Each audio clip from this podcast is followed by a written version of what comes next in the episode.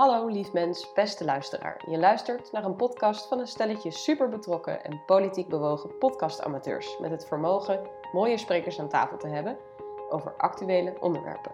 Super leuk dat je luistert en heel veel luisterplezier. We noemen onze podcast D66 na nu. we gaan verschillende gesprekken aan over verschillende onderwerpen. Uh, ik kijk er echt naar uit. Uh, ik vind het spannend om met nieuwe mensen in gesprek te gaan en ook onderwerpen waar ik nog niet zoveel van weet over te gaan leren. Uh, Kiki, vind jij het ook leuk of vind je het spannend om dit te gaan doen? Ik vind het zeker leuk. Ik heb elke keer, als ik ja, erover nadenk, krijg ik een grote glimlach op mijn gezicht. Dus dat is iets goeds. en ook leuk om juist wat, wat meer verdieping bij onderwerpen waar je misschien niet elke dag bij stilstaat, juist wat meer in te verdiepen. En het woord te geven aan mensen die er echt wat over weten. Waar mijn angst zit, heel persoonlijk, zit in mijn uh, gebruik. Ik vind het reuze meevallen. Um, ik ben heel benieuwd of mijn uh, breedsprakigheid, of ik dat me een, beetje me in kan houden in de gesprekken. Um, en vooral ook ruimte kan geven aan de, de gasten. Maar ik heb er alle vertrouwen in, want ik heb een goede mede-presentator van deze podcast. En we hebben ook mensen die gewoon heel veel te vertellen hebben. Michiel, we gaan zo in gesprek met uh, Auke Arts. Ik vind überhaupt wel dat die arts, wat een mooie achternaam als je het over cultuur gaat hebben. Dat voorop. Um, wat heb jij eigenlijk met cultuur? Wat vind je van ja, cultuur? Dat is een goede, ja, dat is een goede vraag. Als, als econoom kan ik het niet helpen dat ik vaak als ik nadenk over cultuur als, als politiek onderwerp, hè, of, er, of er een gesprek over voer, ook het economische belang um, in mijn gedachten heb. Uh, ik sprak ooit de, de, de topman van ASML en die vertelde dat om hele goede engineers uit Pakistan of China naar Nederland te krijgen, is het heel belangrijk om een rijk cultureel aanbod te hebben. Goede bioscopen, een theater, een musea. Um, als je dat niet hebt, kun je ook geen uh, goed draaiende economie hebben.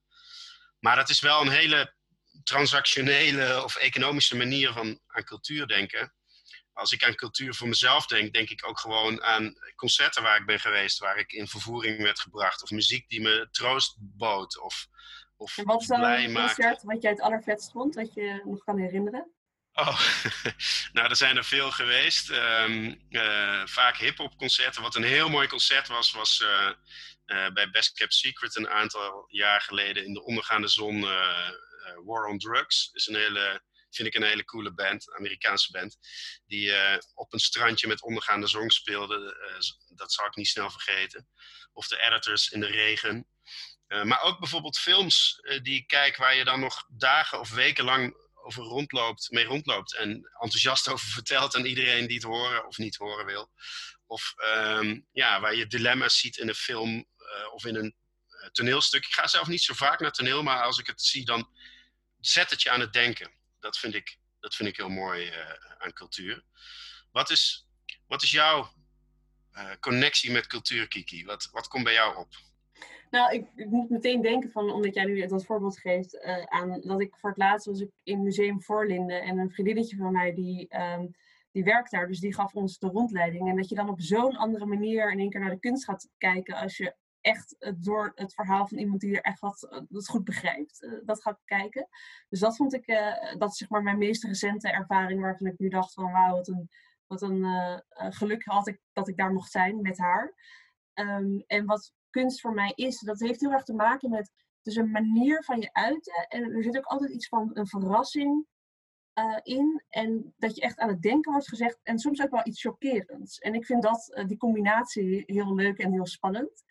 Uh, zelf kom ik ook best wel uit een beetje een familie waar kunst altijd een belangrijke plek had. En waar ook nou ja, mijn oma schildert, mijn tante is kunstenares. dus dat het altijd ook wel een soort van onderdeel van het DNA is. En dat zie ik bij mezelf ook wel een beetje terug. Maar ook als je bijvoorbeeld naar de stad kijkt, dan denk ik, de stad wordt zoveel mooier door de kunst en de cultuur die er is.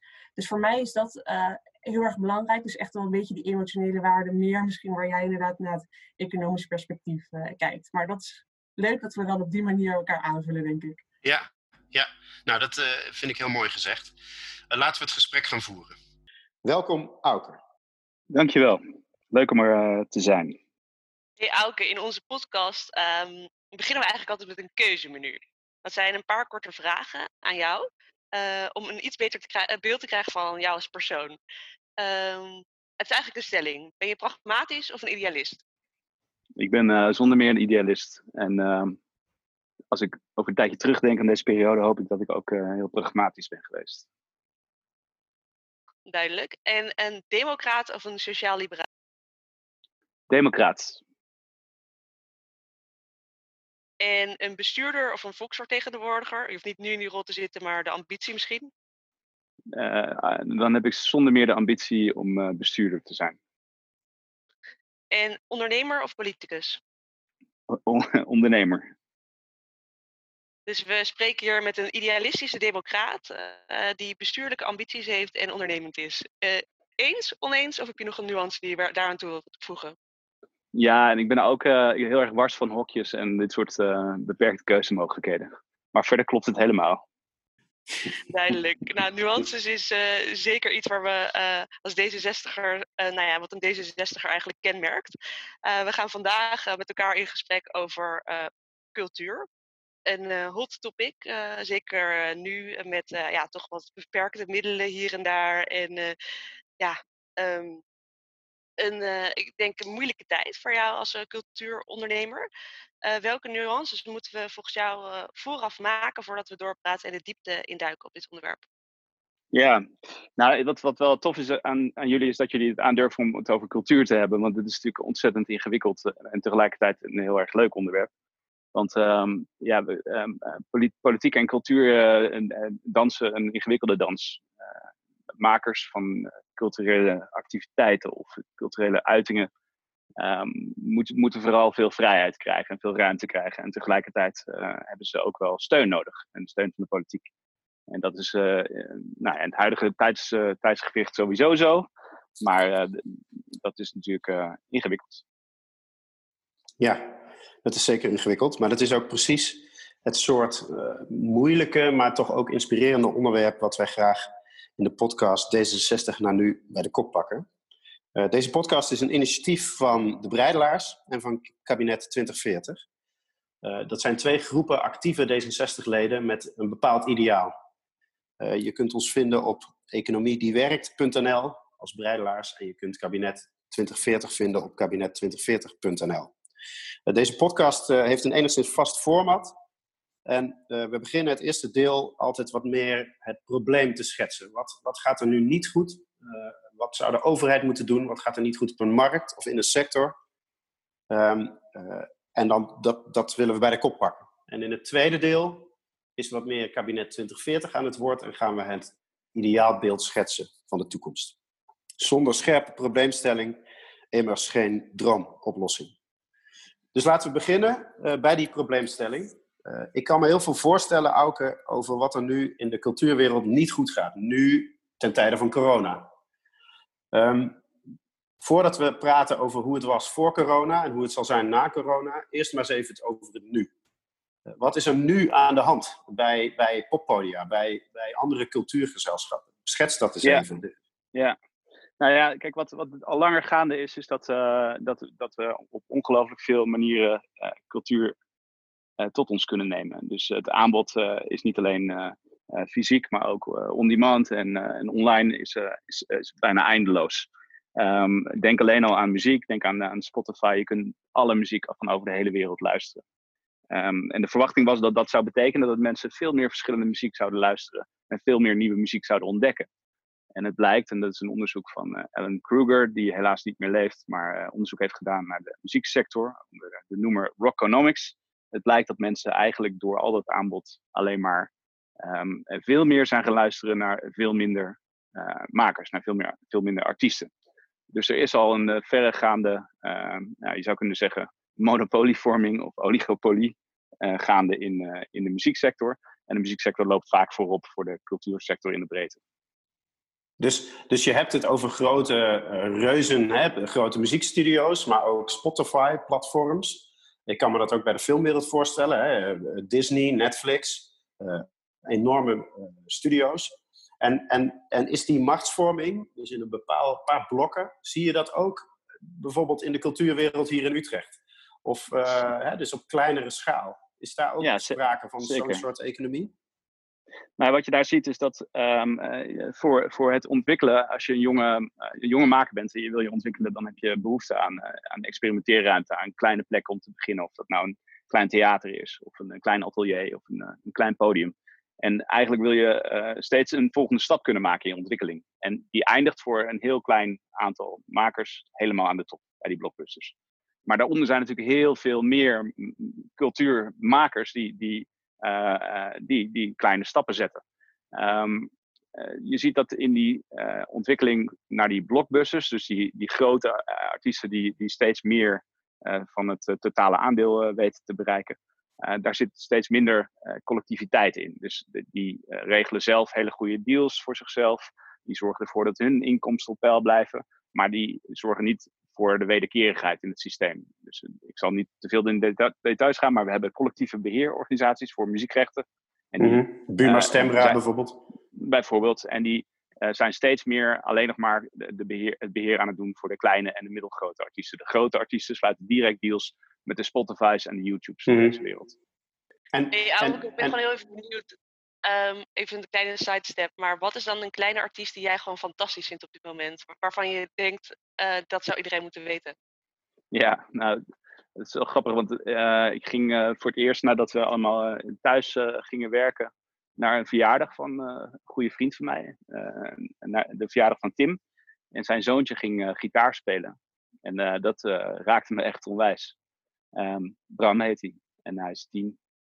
je schetst eigenlijk eh, het probleem van een, van een sector eh, ja, waar, waar, waar kleinschaligheid en, en nieuwe artiesten eigenlijk onvoldoende aan de bak komen.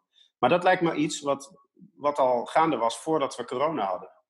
Ehm, wat, wat heeft de afgelopen periode en de, de beleidsmaatregelen die de overheid heeft genomen om de coronaverspreiding te voorkomen, wat heeft dat dan nog voor extra effect op de cultuursector? Kun je daar een beeld van geven? Ja, zeker. En, eh, ik- en ik ben eh, ontzettend blij dat, eh, dat er steun is gekomen. Die steun is echter verdeeld via wat dan heet een, een basisinfrastructuur. Dus die is gegaan naar alle grotere instellingen die toch al meerjarige subsi- subsidie krijgen. Ehm, en daarmee is er zeker voor de beginnende makers, de jonge makers, zijn er is er weinig ruimte geweest vooralsnog. Ehm, en dat merken we misschien nu nog niet, maar dat gaan we zeker over een tijd merken. En dat, eh, dat is een gemis. eh, en En dat is, eh, hoe, hoe, hoe, hoe- ziet dat eruit? Schets het probleem. De, gaan, er, gaan er poppodia failliet? Gaan er theaters failliet? Of kunnen er goede toneelmakers of schilders of wat dan ook hun carrière niet voorzetten? Ja, nou vooralsnog ga- gaan de instellingen niet failliet, want die krijgen steun van, van OCW en inmiddels ook van Fonds Podiumkunsten. Eh, maar die instellingen hebben straks niet, niets meer te programmeren. Want welk theatergezelschap kan nog overeind blijven? Eh, welke eh, eh, artiest kan nog muziek blijven maken? Die staan nu gewoon ergens in de keuken of nou, op een andere manier hun inkomen te, te, te vergaren. En dan, en dan, als ze er niet meer zijn, hebben we dan een wereld zonder cultuur? Of met minder cultuur? Is dat erg? Ja, dat is erg. Dat is vreselijk erg zelfs. Wa- wa- waarom? waarom? Waarom? Ik bedoel, ik kan me. Nou, kijk, het lijkt een, het lijkt een beetje onzinnige vraag misschien zelfs. Een beetje, maar, maar het wordt vrij gemakkelijk gezegd dat cultuur belangrijk is. En, en wij als D66'ers vinden het misschien leuk om naar de film te gaan of een nieuwe artiest te ontdekken. Om Bram eens te horen spelen. Maar schets eens iets dieper wat het probleem is als we minder cultuur hebben in onze samenleving. Wat, wat, wat voor, waarom is dat erg? Ja, omdat eh, als je in aanraking komt met cultuur, en dat kan soms heel aangenaam zijn, maar soms kan het ook eh, schuren of eh, confronteren, dan draagt dat bij aan de creativiteit van de maatschappij als geheel. En het zorgt ervoor dat we op nieuwe manieren verbindingen kunnen maken, op nieuwe manieren oplossingen kunnen bedenken voor hele complexe problemen. Ehm, en eh, dat is de waarde van, eh, van, van cultuur en dat is wat we gaan missen. Ehm, een van de eh, aspecten van deze tijd, als we dan toch even naar het nu gaan, Ehm, een van de aspecten van deze tijd is dat we met heel veel onzekerheid leven. We weten niet hoe lang deze maatregelen blijven gelden. We weten niet hoe de wereld er straks uitziet. Ehm, en dat is eh, in die zin ingewikkeld, omdat we hebben nu juist verbeeldingskracht nodig. We hebben nu juist creativiteit nodig van, eh, van makers die ons kunnen schetsen hoe die wereld eruit zou kunnen zien. Of die alternatieven kunnen bieden. En de meeste creativiteit op dit moment zit bij eh, mensen die, die twijfelen aan, aan, de, aan wetenschappelijke kennis. Je hebt het inderdaad uh, heel mooi over onzekerheid en tot de verbeelding spreken. Um, ik vind altijd eigenlijk wel een kracht ook van de cultuursector dat ze super ondernemers zijn, juist ook in onzekere tijden. Dus wat dat betreft van mij een groot compliment aan, aan jou en, en de sector waarin je werkt. Want uh, ik, ik vind het inspirerend hoe um, creatief uh, juist de sector ook in deze periode is. Um, in augustus was volgens mij inderdaad dan ook een aantal um, uh, concertzalen die allemaal een soort van red alert deden met uh, lichten in 80 zalen door, door heel Nederland. Nou ja, dat soort, uh, ja, echt de verbinding zoeken en met elkaar een statement afgeven. Nou, dat, dat, dat kunnen jullie als geen ander. Dus um, fantastisch. Aanhakend um, nog wel even één vraag die, die ik heb. is, er werd net gesproken over fondsen en subsidies. Uh, en ik zie dat toch ook wel, zeg maar, is dat systeem volgens jou ook iets waar, waar een, een probleem zit of een weeffout zit in, in hoe dat nu georganiseerd is? Nou ja, de, de, het probleem zit hem een beetje in, in de beeldvorm die is ontstaan dat, uh, dat uh, kunst en cultuur heel veel subsidie vergt, terwijl uh, ze vooral cultureel ondernemerschap zouden moeten ontwikkelen um, en meer eigen inkomsten zouden moeten verzamelen. nou, en dat doen ze. En dat doen ze in, in grote hoeveelheden. En dat is ook uh, nu uh, waar, waar de pijn zit, want al die eigen inkomsten zijn, uh, zijn aan het wegvallen. Ja, dat, is eigenlijk mijn afsluitende vraag bij het blokje van, van de probleemstelling. Voortbedurend op wat Kiki zegt. Um, wat, zou de, wat zou de overheid nu moeten doen, Auke? Want, want, want je schetst toch wel vrij indringend hoe een wereld er zonder cultuur uitziet. Um, wat kunnen we nu doen om, om de rampspoed te vermijden? Voordat we en proberen een toekomstbeeld te schetsen waar, wat, wat, wat wel ideaal is. Wat moet er nu gebeuren? Ja, nou wat er moet gebeuren is dat er uh, ruimte komt om, uh, om makers, om individuen uh, de ruimte te geven om, om deze periode door te komen. En dat betekent financiële ruimte en dat betekent misschien soms ook wat meer artistieke ruimte. Het gaat, nu allemaal over de as van de infrastructuur, over de instellingen. die zijn ook belangrijk, maar zonder dat er makers zijn die, die op een podium kunnen staan, hebben we niets aan die instellingen weet niet precies wanneer deze podcast uh, live gaat, maar stel uh, op Prins, Prinsjesdag, waar, met wat voor een pakket hoop je dan uh, dat, dat er gekomen wordt? Ja, nou, ik, laat ik het zo formuleren. Ik hou erg van vliegen. Um, en ik vind KLM ook een prachtig bedrijf. Als het daar zo'n beetje bij in de buurt zou komen, dan zou dat een heel goed streven zijn. Duidelijk. over vliegen gesproken. Um, uh, vliegen begon ook met innovatie. En ik wil graag ook uh, met jou even naar voren kijken, vooruit. Um, als we kijken, zoals je weet, is kabinet 2040 heeft de 66 toekomstbeelden opgeschreven met ja, soms enige kennis van een onderwerp en soms wel helemaal geen kennis van een bepaald onderwerp. Gewoon meer van hoe wij denken dat het, onze samenleving er in 2040 uit zou moeten zien. Met het idee dat juist die, dat die stip op de horizon om, ons helpt om nu de slimme strategische keuzes te maken voor onze toekomst, om het maar zo te zeggen. Uh, nee, jullie hebben eigenlijk een artistieke daad verricht door zo ver weg te kijken. ja, wellicht, zo zou je het kunnen noemen. Maar een paar droombeelden op een rijtje, waar ik gewoon even jouw mening kort over wil horen. En ik ben ook heel erg benieuwd natuurlijk naar de droombeelden en toekomstbeelden die jij voor ogen ziet. In 2040 dienen consortia van kunstinstellingen samen subsidieverzoeken in. Dus altijd in gezamenlijkheid. In 2040 zijn alle gesubsidieerde kunst- en cultuurinstellingen voor personen tot 21 jaar gratis te bezoeken. En krijgen personen boven de 21 jaar een strippenkaart. En als laatste, in 2040 heeft iedereen gratis digitaal toegang tot de kunst- en cultuursector in Nederland. Ja, wat een gave voorstellen en wat ongelooflijk onbetaalbaar. Uh, want dat gaat heel veel geld kosten. Uh, dat geeft niet, want uh, ik noemde het ook een heel hoog bedrag. Um, maar ja, dat is wel de, vraag, wat verwacht je? Want um, het beoordelen van, van aanvragen voor subsidies is heel ingewikkeld. En dat, dat, moet je vooral niet door politici zelf laten doen. Um, het streven om jonge mensen op, met kunst en cultuur in aanraking te brengen door het zo laagdrempelig mogelijk te maken, kan ik me van alles bij voorstellen. Strippenkaart, ja, die zijn ook al een beetje ingehaald door de tijd, volgens mij. Dus ja, de, de, de, de idealen erachter vind ik prachtig. En wat zou je daar zelf aan toevoegen? Nou, dat, dat we dus um, uh, ons bewust moeten blijven van uh, het feit dat we vooral niet veel hoeven na te denken over wat de kunst en cultuur gaat doen, want dat doen ze zelf wel. moeten ze ehm, voldoende ruimte daarvoor geven. Ehm, en vooral bereid zijn om, om die ruimte ook financieel mogelijk te maken.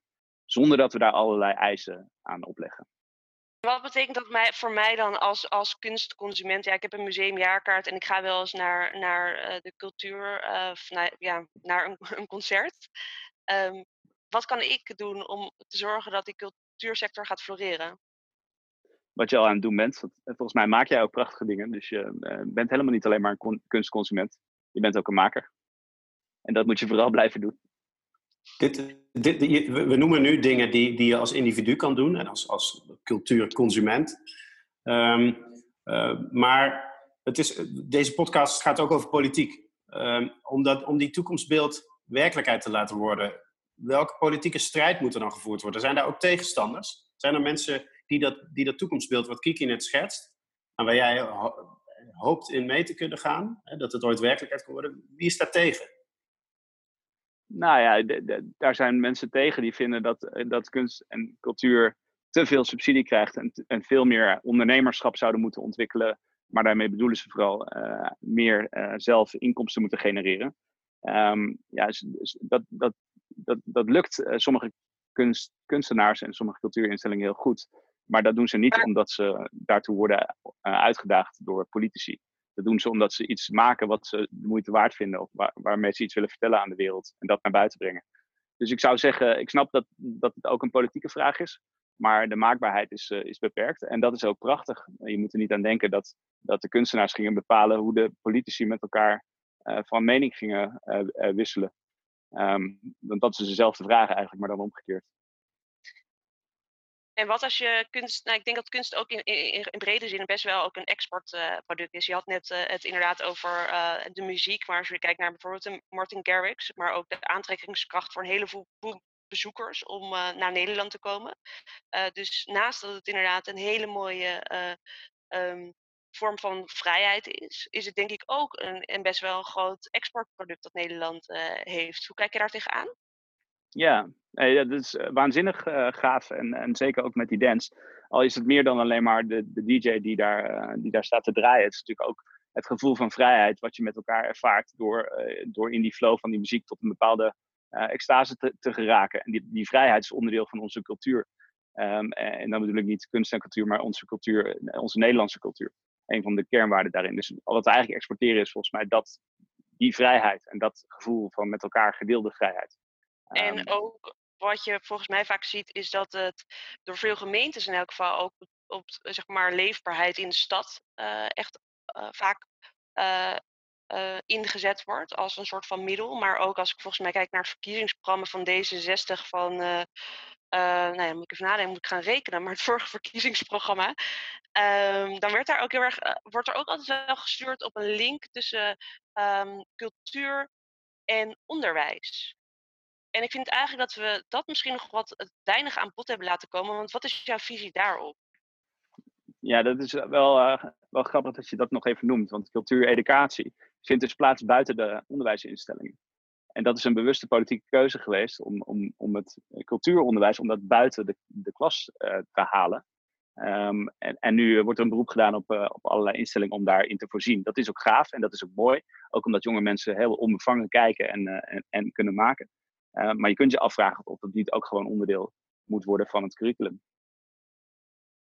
Zou jij, uh, als, als jij het toekomstbeeld voor 2040 uh, eh, zou mogen schetsen, hoe zou, dat, zou je dat erin opnemen? Of hoe...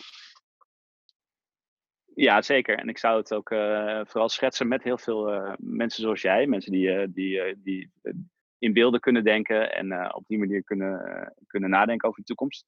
Uh, want ik geloof ook niet meer in dat we nu kunnen bepalen hoe 2040 er exact moet gaan uitzien. Uh, daarvoor zijn de ontwikkelingen te groot en gaan te snel. Uh, dus we hebben er meer aan om met elkaar te leren om snel en wendbaar te zijn en te blijven, ook in ons denken. Dan om nou hele grote vergezicht, te schetsen. Het strijkt wel een beetje in tegen, tegen het idee van kabinet 2040, waar we toch echt op zoek zijn naar die stip op de horizon. Wat is jouw stip op de horizon? Um, mijn stip op de horizon is uh, het, uh, het um, zoeken naar een brede um, uh, politieke stroming die vooruitgang wil bevorderen. en volgens mij is dat een stroming die breder is dan alleen D66. En, dat, en wat kunnen wij daar als individu, als burger, in doen om zo'n stroming op gang te krijgen? En wat kan een politieke vereniging daar, daaraan doen? Wat moeten we doen nu? Ja, uh, in het klein, uh, ga vooral, uh, ga vooral die, die ervaringen opzoeken. Dus ga vooral in, je eigen omgeving de confrontatie aan in positieve zin met, met, met makers en met kunst. Um, en als politieke vereniging denk ik dat we erg gericht zijn op taal.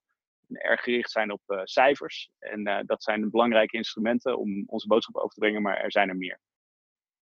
Ja, sorry. Je bent een cultuurdenker, soms wat abstract.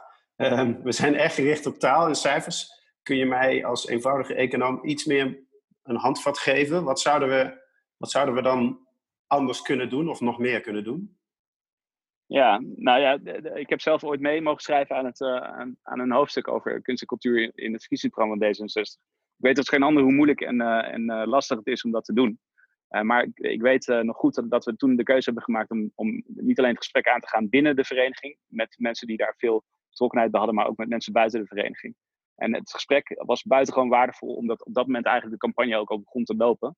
Uh, dat waren nog geen afgeronde one-liners of uh, concrete voorstellen, maar daarmee ontstaat er wel iets van, uh, van onderop.